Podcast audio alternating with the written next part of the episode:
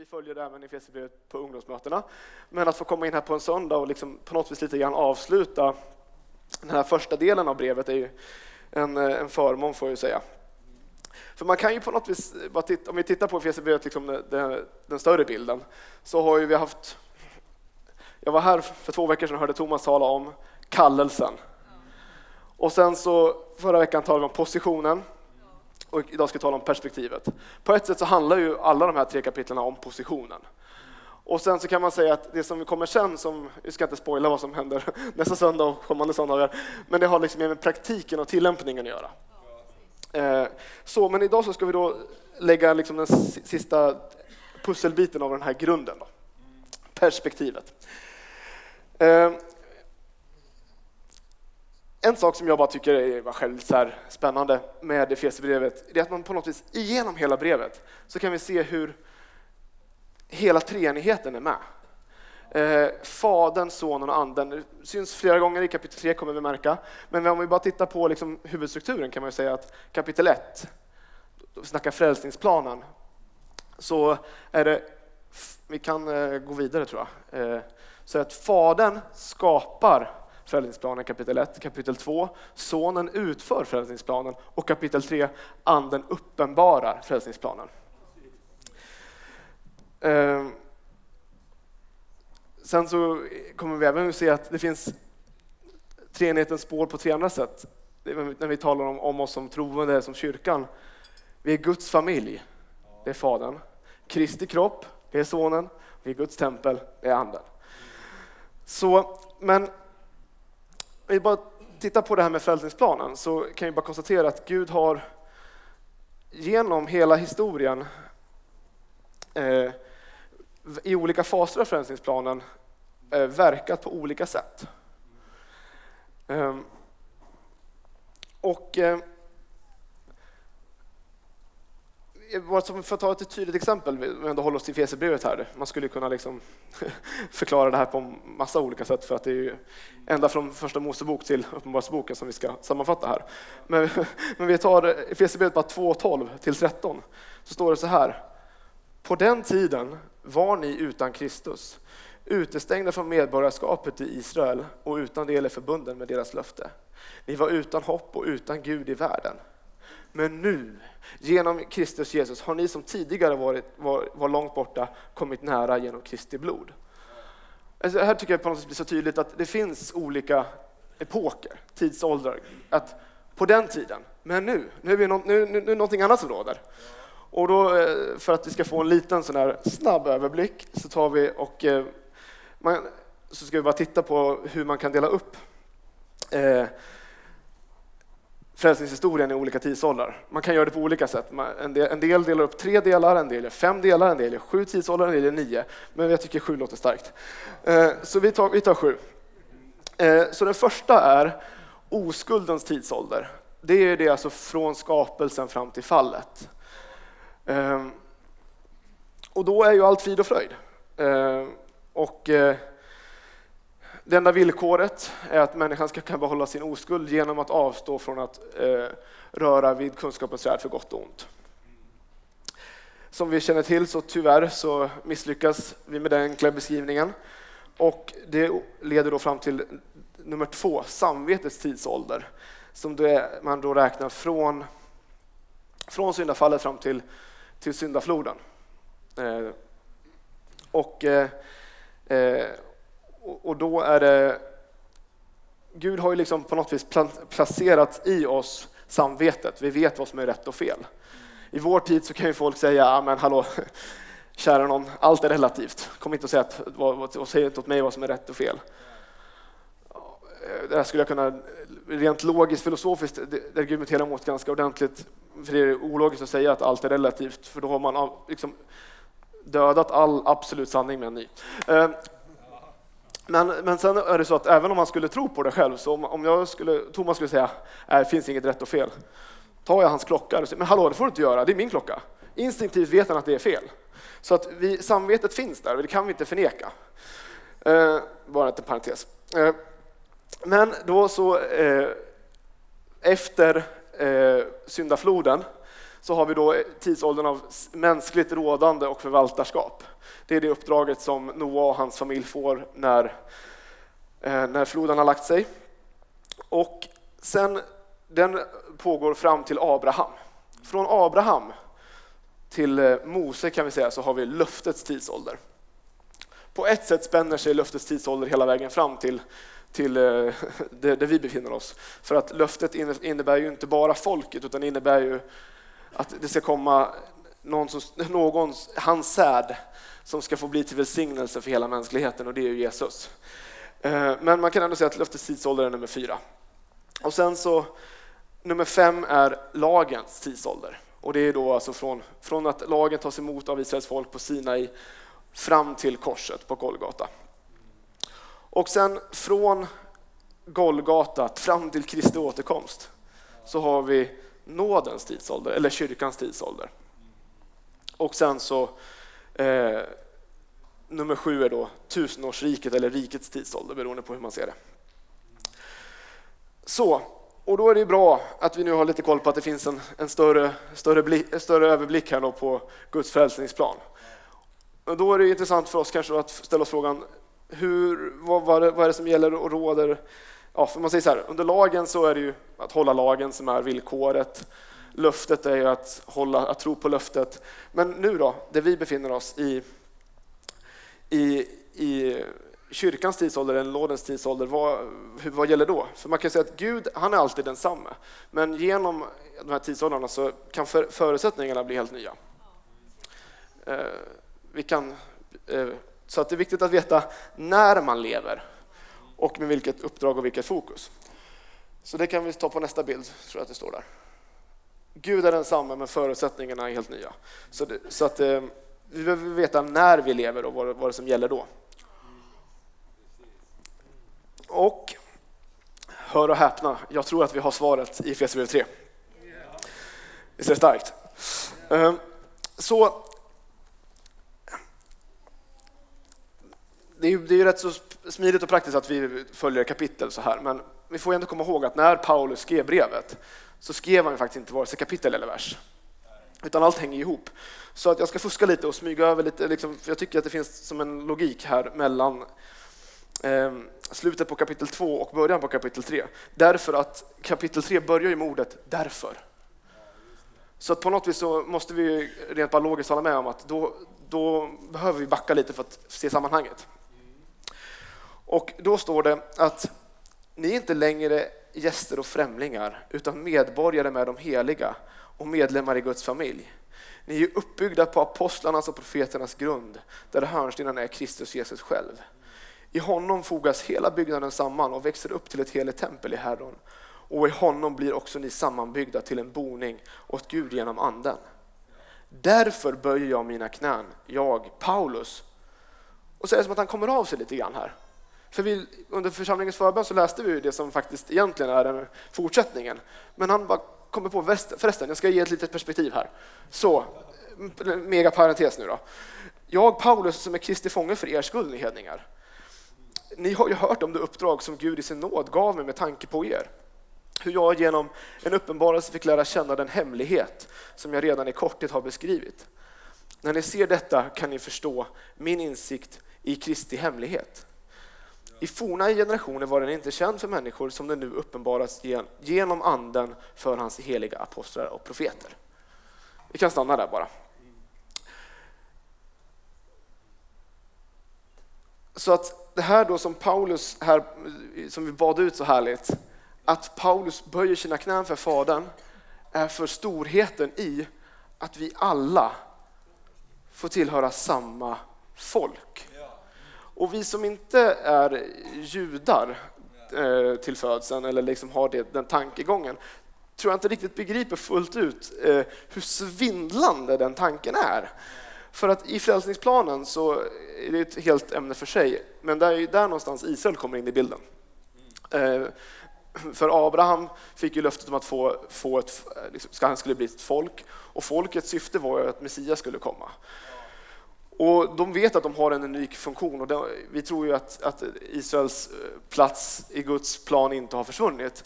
Men, men för dem så är det som att okej, okay, men vi fattar att Gud vill att, att, eh, att det ska komma in. Han har, det finns Guds kringspridda barn ska få samlas. Men att de sen ska komma in och bli en del av folket på samma villkor. Att vi inte är främlingar. Vi hör hemma där. Alltså det, är, det, det är svindlande, det är revolutionerande egentligen. Eh, Jag bara säger det. Eh, så, men, eh, och då är det så här att vi kan identifiera oss, att vi är en del av, av Guds församling, av Guds kyrka, av Guds folk. Och då är det några saker vi kan hitta här i kapitel 3 som då under kyrkans tidsålder som vi kan se, men det är så här vi kan relatera till Gud. Och det första här att vi har en ny position. I, vi är i Kristus. Och det står i vers 12 här i kapitel 3. Att i honom och genom tron på honom kan vi frimodigt och tryggt komma till Gud. Alltså jag tycker det är så underbart. I honom och genom tron på honom kan vi frimodigt och tryggt komma till Gud. Lägg märke till några saker här. Ja, men vi kan komma till Gud. Det är underbart. Men inte bara det. Vi kan komma tryggt. Vi behöver inte vara osäkra, vi behöver inte vara nervösa, vi behöver inte vara rädda. Vi kan komma tryggt och frimodigt. Man kan också på ett sätt översätta det som att vi bara kommer till honom och säger som det är. Vi behöver inte vara, dölja någonting. Då kan man vara frimodig, eller hur? Och det är exakt så som vi kan komma till, till, till Gud när vi faktiskt är i Kristus. Om ni noterar så är det en liten bild där på, på, på muren. Och jag, tänk, jag bara tänker på den här bilden som är att du har ett passerkort. Och så, och så ja, nu, talar, nu talar jag inte till ungdomar, där talar jag om, om så olika filmer och dataspel, man ska komma så längre och längre in och så access denied. Men nu pratar vi till vuxna, då får vi tala om att du kanske jobbar någonstans och så är man betrodd till olika nivåer. Och om vi då i oss själva skulle försöka komma till Gud och med vårt passerkort då står det access denied, unauthorized uh, request eller något sådär. Va? Men när vi kommer och i passerkortet så står det Jesus, vi är i Kristus, då är det access approved. Access approved. Amen. Ja, det låter starkare på engelska, men det, det, men det betyder att vi har tillträde till tronen. Amen. Så det här är lite repetition, men det får vi leva med, för det stod faktiskt här i Efesierbrevet 3. Ja. Det nästa vi, vi, vi, kan lägga märke till, då, som är, gäller för oss, premisserna i, i, där vi lever, är ett nytt uppdrag, hedningarna mission. Och nu ska jag erkänna någonting. Jag, jag ser mig själv som missionär. Så undrar ni, men hallå, du bor i Örnsköldsvik? Ja, jo. Men eh, eh, jag kommer från Uppsala och vår pastor där, Joakim, han har lärt oss att missionär, det är något man är. Det heter ju inte att man är mission blir, utan mission är. Så jag är missionär. Amen. Eh, och min, jag kan säga att det var oss emellan, men min chef i Uppsala, han, han, hans sätt att processa och smälta att jag liksom, slut, liksom jobbar mindre på förlaget i Uppsala, att han ser det som att han har sänt en missionär till Norrland. Eh, så att jag, jag, tycker att, att jag, jag, kan få prata om mission med, med gott samvete här. Ja. Eh, men för då läser vi, vi fortsätter där vi slutade här i kapitel 3, vers 6 till 8 läser vi den här hemligheten som nu uppenbarats, att hedningarna har samma arv som vi, tillhör samma kropp och har del i samma löfte i Kristus Jesus genom evangelium. Detta evangelium har jag blivit satt att tjäna med den gåva och den nåd som Gud har gett mig genom sin mäktiga kraft. Jag, den allra minsta av alla heliga, har fått denna nåd att predika evangeliet om Kristi ofattbara rikedom för hedningarna. Så där har Paulus sin identitet. Han ser att det är hans uppdrag att predika evangelium till hedningarna. Och jag, vet, jag tror att vi har, ni känner, eh, är bekanta med att i Apostlagärningarna 20 så har ju Paulus sitt eh, avskedstal faktiskt till, till, eh, till församlingsledningen i just kyrkan i Efesus. Och eh, där så säger han ett, eh, en sak som jag på något vis tycker är så här, rimmar fint med det här men också säger så mycket om Paulus perspektiv och livsinställning. Det här får ni som bonusmaterial. Eh, Apostlagärningarna 20 och 24.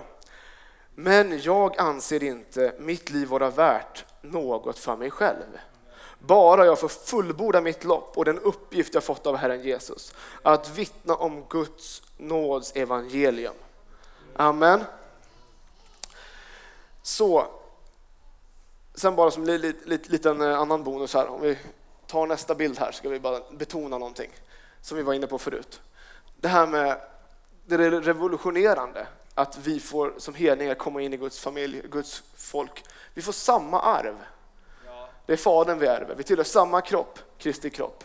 Och vi har delar samma löfte, löftet om den helige Ande. Amen. Så det för oss till nästa punkt, att vi har en ny utgångspunkt.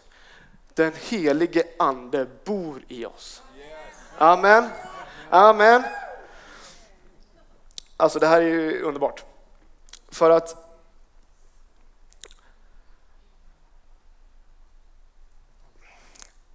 Förstå mig rätt, men ibland så är det som att vi, vi kan bli som lite hemmablind. Att vi, vi, vi, vi liksom ser det som att ja, men, det är klart att den helige Ande bor i oss. Men om vi bara återigen då backar bandet och tittar lite på, på hur det var för Paulus och, och det judiska folket. Den helige Ande han bodde inte i människor. Möjligen kunde han komma över prästen, och profeten och kungen. Men att den helige Ande bor i oss. Här kan vi snacka att vi har, en ny utgångspunkt. Det är helt nya förutsättningar. För grejen är ju att, nu, nu, nu, förstår ni att vi pratar lite om mission och så här, så att jag kommer, ni kommer tro att jag säger emot mig själv, men det gör jag inte. Men i Apostlagärningarna 1.8, då står det ju att när den helige Ande kommer över er så ska ni få kraft och bli mina vittnen. Ibland läser vi det som att vi ska få kraft att bli vittnen. Men det står faktiskt och. Och jag ska erkänna att det tog, jag, jag, ibland är jag den trögare sorten, men det, tog, det krävde att jag skulle eh, läsa på grekiska en gång i tiden när jag läste teologi, att det stod kai, ah, och. Men hallå, det står och, vänta nu. Det betyder förstås att vi får kraft och, och den kraften kan vi använda när vi ska vara vittnen. Men det står inte för att, alltså det, är inte bara, det är inte bara därför. Förstår ni vad jag menar? Kraften här, dynamis, betyder förmåga. Och jag tror att om vi bara ser det som det här med utgångspunkten, att här har vi en helt ny utgångspunkt för det är tack vare den helige Ande, när han kommer över oss och bor i oss, som vi har förmågan att leva det liv som Gud har tänkt att vi ska leva. Jag ska vara sådär lite ärlig igen. Ni vet saluprisningarna, bergspredikan, är ju jättevacker och fin. Men den är typ omöjlig att leva efter om man inte har en helig Andes hjälp. Så det är därför som vi är så glada att vi kan se att vi har en ny utgångspunkt. Vi har en helig Ande som bor i oss. Amen. Och då tar vi och eh, läser eh, två versar här från Efesierbrevet 3. Det står i vers 16 att jag ber att han i sin härlighets rikedom ska ge kraft och styrka åt er inre människa genom sin ande. Och sen så står det i vers 20, han som kan göra långt mycket mer än allt vi ber om eller tänker oss genom den kraft som verkar i oss. Det är den heliga Ande som mäktigt verkar i oss. Halleluja. Så, och nu kommer vi till den sista här. Vi har en ny position, nytt uppdrag, ny utgångspunkt och nytt tillvägagångssätt. Församlingen, kyrkan. Här står det då i, nu liksom backar vi och läser igen här då. Vi slutade på vers 8, nu läser vi vers 9 och 10. Att uppdraget som Paulus har fått är att upplysa alla om planen med den hemlighet som från evighet har varit dold i Gud, allting skapare. Nu skulle Guds vishet i sin väldiga mångfald göras känd genom församlingen för härskarna och makterna i den himmelska världen. Och så står det, Vi, vi läste ju vers 20, men vi kan läsa det igen och vers 21 också. Han som kan göra långt mycket mer än allt vi ber om eller tänker oss genom en kraft som verkar i oss. Hans är äran i församlingen och i Kristus Jesus genom alla generationer i evigheters evighet. Amen. Låt oss bara betänka att kyrkan, församlingen, inte en B-plan.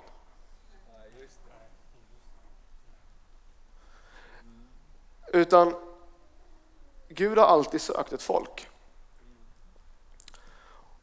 Och det står här att den, den plan som från, från evighet varit dold i Gud. Så Gud har från evighet planerat kyrkan.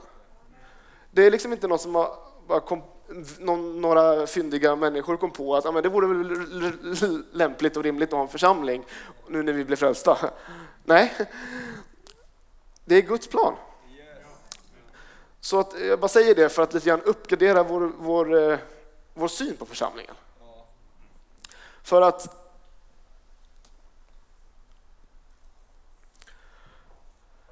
det var ju till kyrkan som Kristus blev given som huvudet åt kroppen. Eller hur? Inte till något särskilt ministry eller till någon extra benådat utvald människa, utan till kyrkan. Och hur känner man då igen Jesus? Jo, men genom kroppen. Eller hur? Och det går ju liksom inte att umgås så att säga, eller sära på huvudet från kroppen utan fara för livet, brukar man säga. Så om vi vill ha med Jesus att göra så får vi liksom kyrkan, kroppen på köpet. Ehm.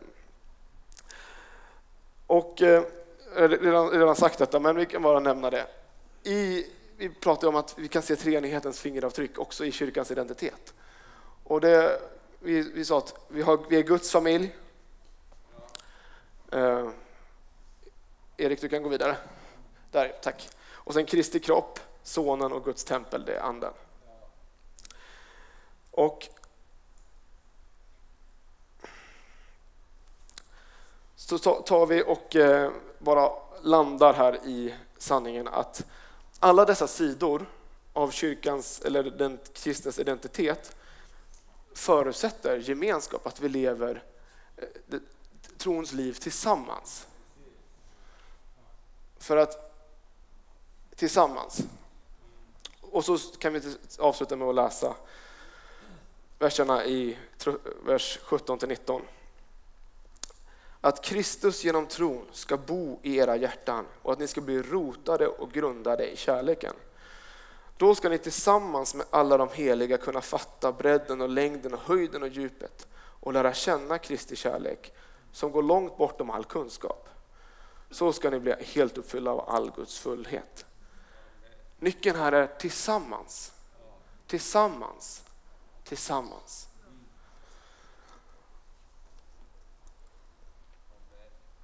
Jag tycker också det är lite eh, spännande att Paulus han blandar bildspråk, om ni lägger märke till det. Vi ska bli rotade och grundade. Rotade är något som växer, grundad har ju mer med en byggnad att göra. Men om ni lägger märke till det så är det, är det ju samma liksom blandning av bildspråk, det vi läste i slutet av kapitel 2. Att i honom fogas hela byggnaden samman och växer upp till ett heligt tempel. Ja. Eh, så som ni vet så är jag och min familj nyinflyttade snart. Vi, eh, vi, har varit och tittat på massa hus här i Örnsköldsvik och fått lära oss massa saker man ska titta på. Och en sak vi har lärt oss är att titta på husgrunden. Finns det några sprickor? Är det några fuktfläckar? Stinker den? Nej men alltså, eller är den skev? Är den sned? Nej, men, och därför är det så viktigt att vi ser då att ja, men grunden är det vi bygger vidare hela livet på. Och därför så är det så underbart att vi ska ha en kvällsfritidsskola under, under hösten. För det handlar om att bygga, jag menar, när vi tittar på hus här så kom den här härliga barnsången till mig. Bygg inte hus på en sandig strand. Ja, ni vet. Och så, utan man ska bygga huset på, på klippan på berget. Och faktum är att vi har faktiskt fått ett hus som vi ska flytta in i november som är byggt på klippan på berget.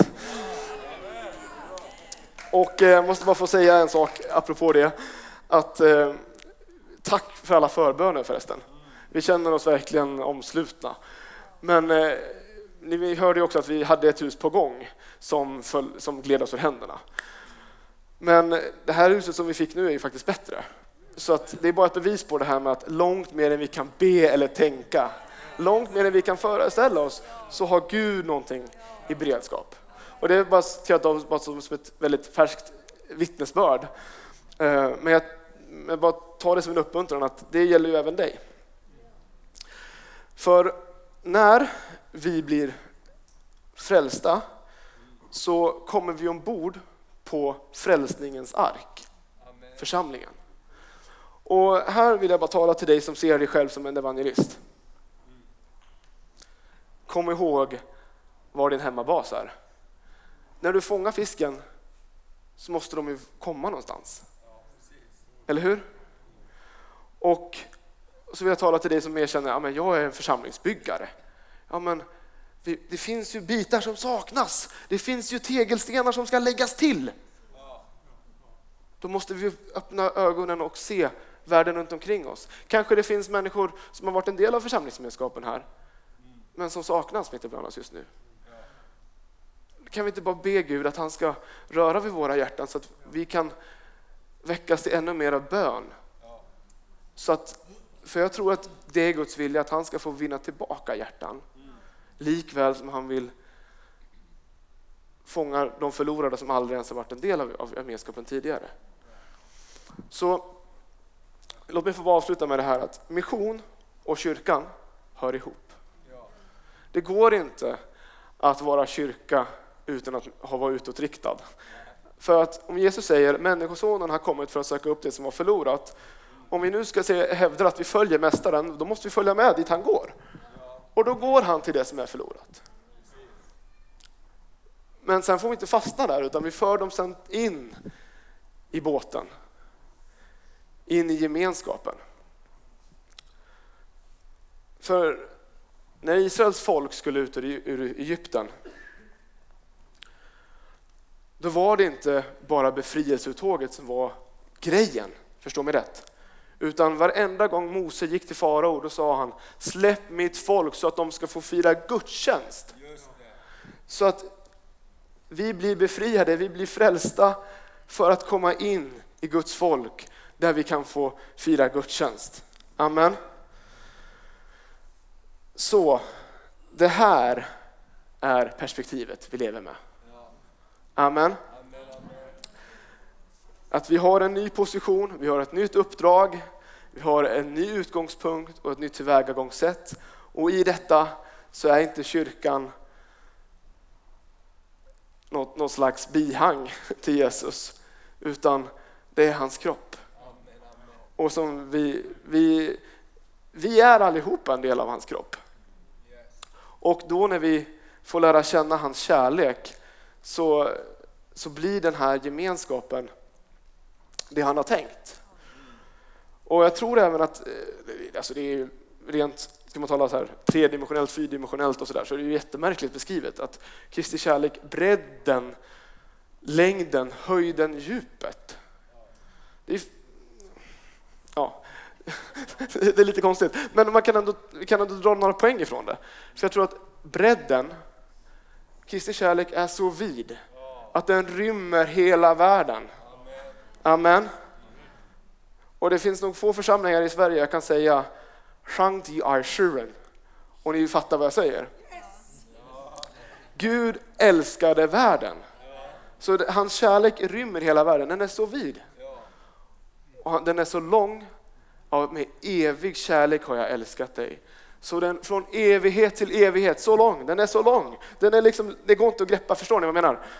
Och den är så djup, den går inte att omfamna. Men den också, har också ett djup att den kan nå in i vartenda skrymsle och vrå av våra själar. Där bara hans kärlek kan nå in. Amen. Och Och den är så hög att det finns ingenting, vare sig synligt eller osynligt, som kan rå sig på den. Amen. Amen. Så, eh, vi ska avrunda här nu. Eh, men, och, vi ska fira nattvard också. Eh, och i samband med nattvardsfirandet så vill du komma fram och få hjälp i förbön så kommer det finnas förbönsteam.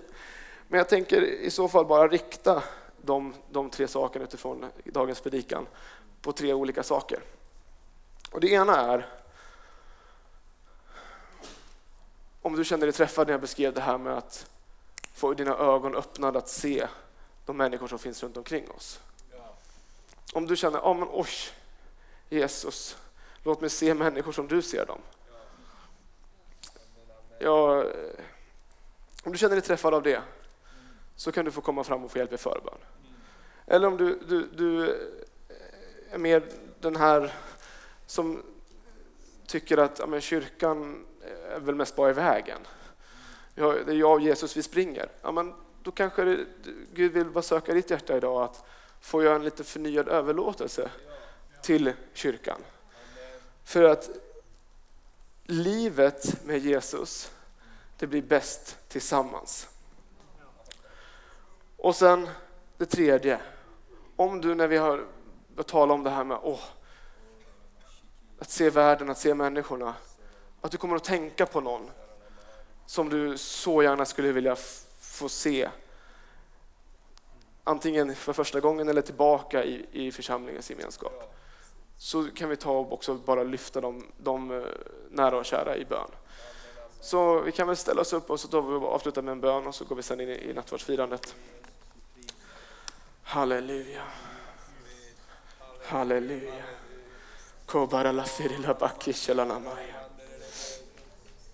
Halleluja. Mm. Fader, jag tackar dig. Tackar dig att ditt faders hjärta är så stort och så vackert och så fullt av kärlek. Tackar dig Fader att vi får komma till dig precis som vi är, men för att förvandlas till att bli det du vill att vi ska vara. Fader, jag ber att du ska öppna våra ögon så att vi ser människor, så att vi ser vår omvärld som du ser den. I Jesu namn. I Jesu namn. I Jesu namn. Och Fader, jag ber också att vi ska få se värdet i gemenskapen, värdet i varandra. Att vi tillsammans får lära känna dig, tillsammans får växa. Oh, halleluja, halleluja. Och vi vill också lyfta upp oh, de, de och våra nära och kära som vi tänker på, som vi ser är de här byggstenarna som saknas i tempelbygget. Fader, din vilja är att vinna tillbaka hjärtan. Så Fader, vi ber att du ska göra just detta. Du vet precis vilka namn vi tänker på var och en. Fader, jag ber, Hara Lafia, att du ska sträcka ut din hand och du ska röra hjärtan, vinna tillbaka hjärtan i Jesu namn och vinna hjärtan för första gången när de får lära känna dig och få smaka på din kärlek Fader. I Jesu namn. Ja, för vi vill ge dig ära Fader. Din är äran i Kristus och i kyrkan. Halleluja. I Jesu namn.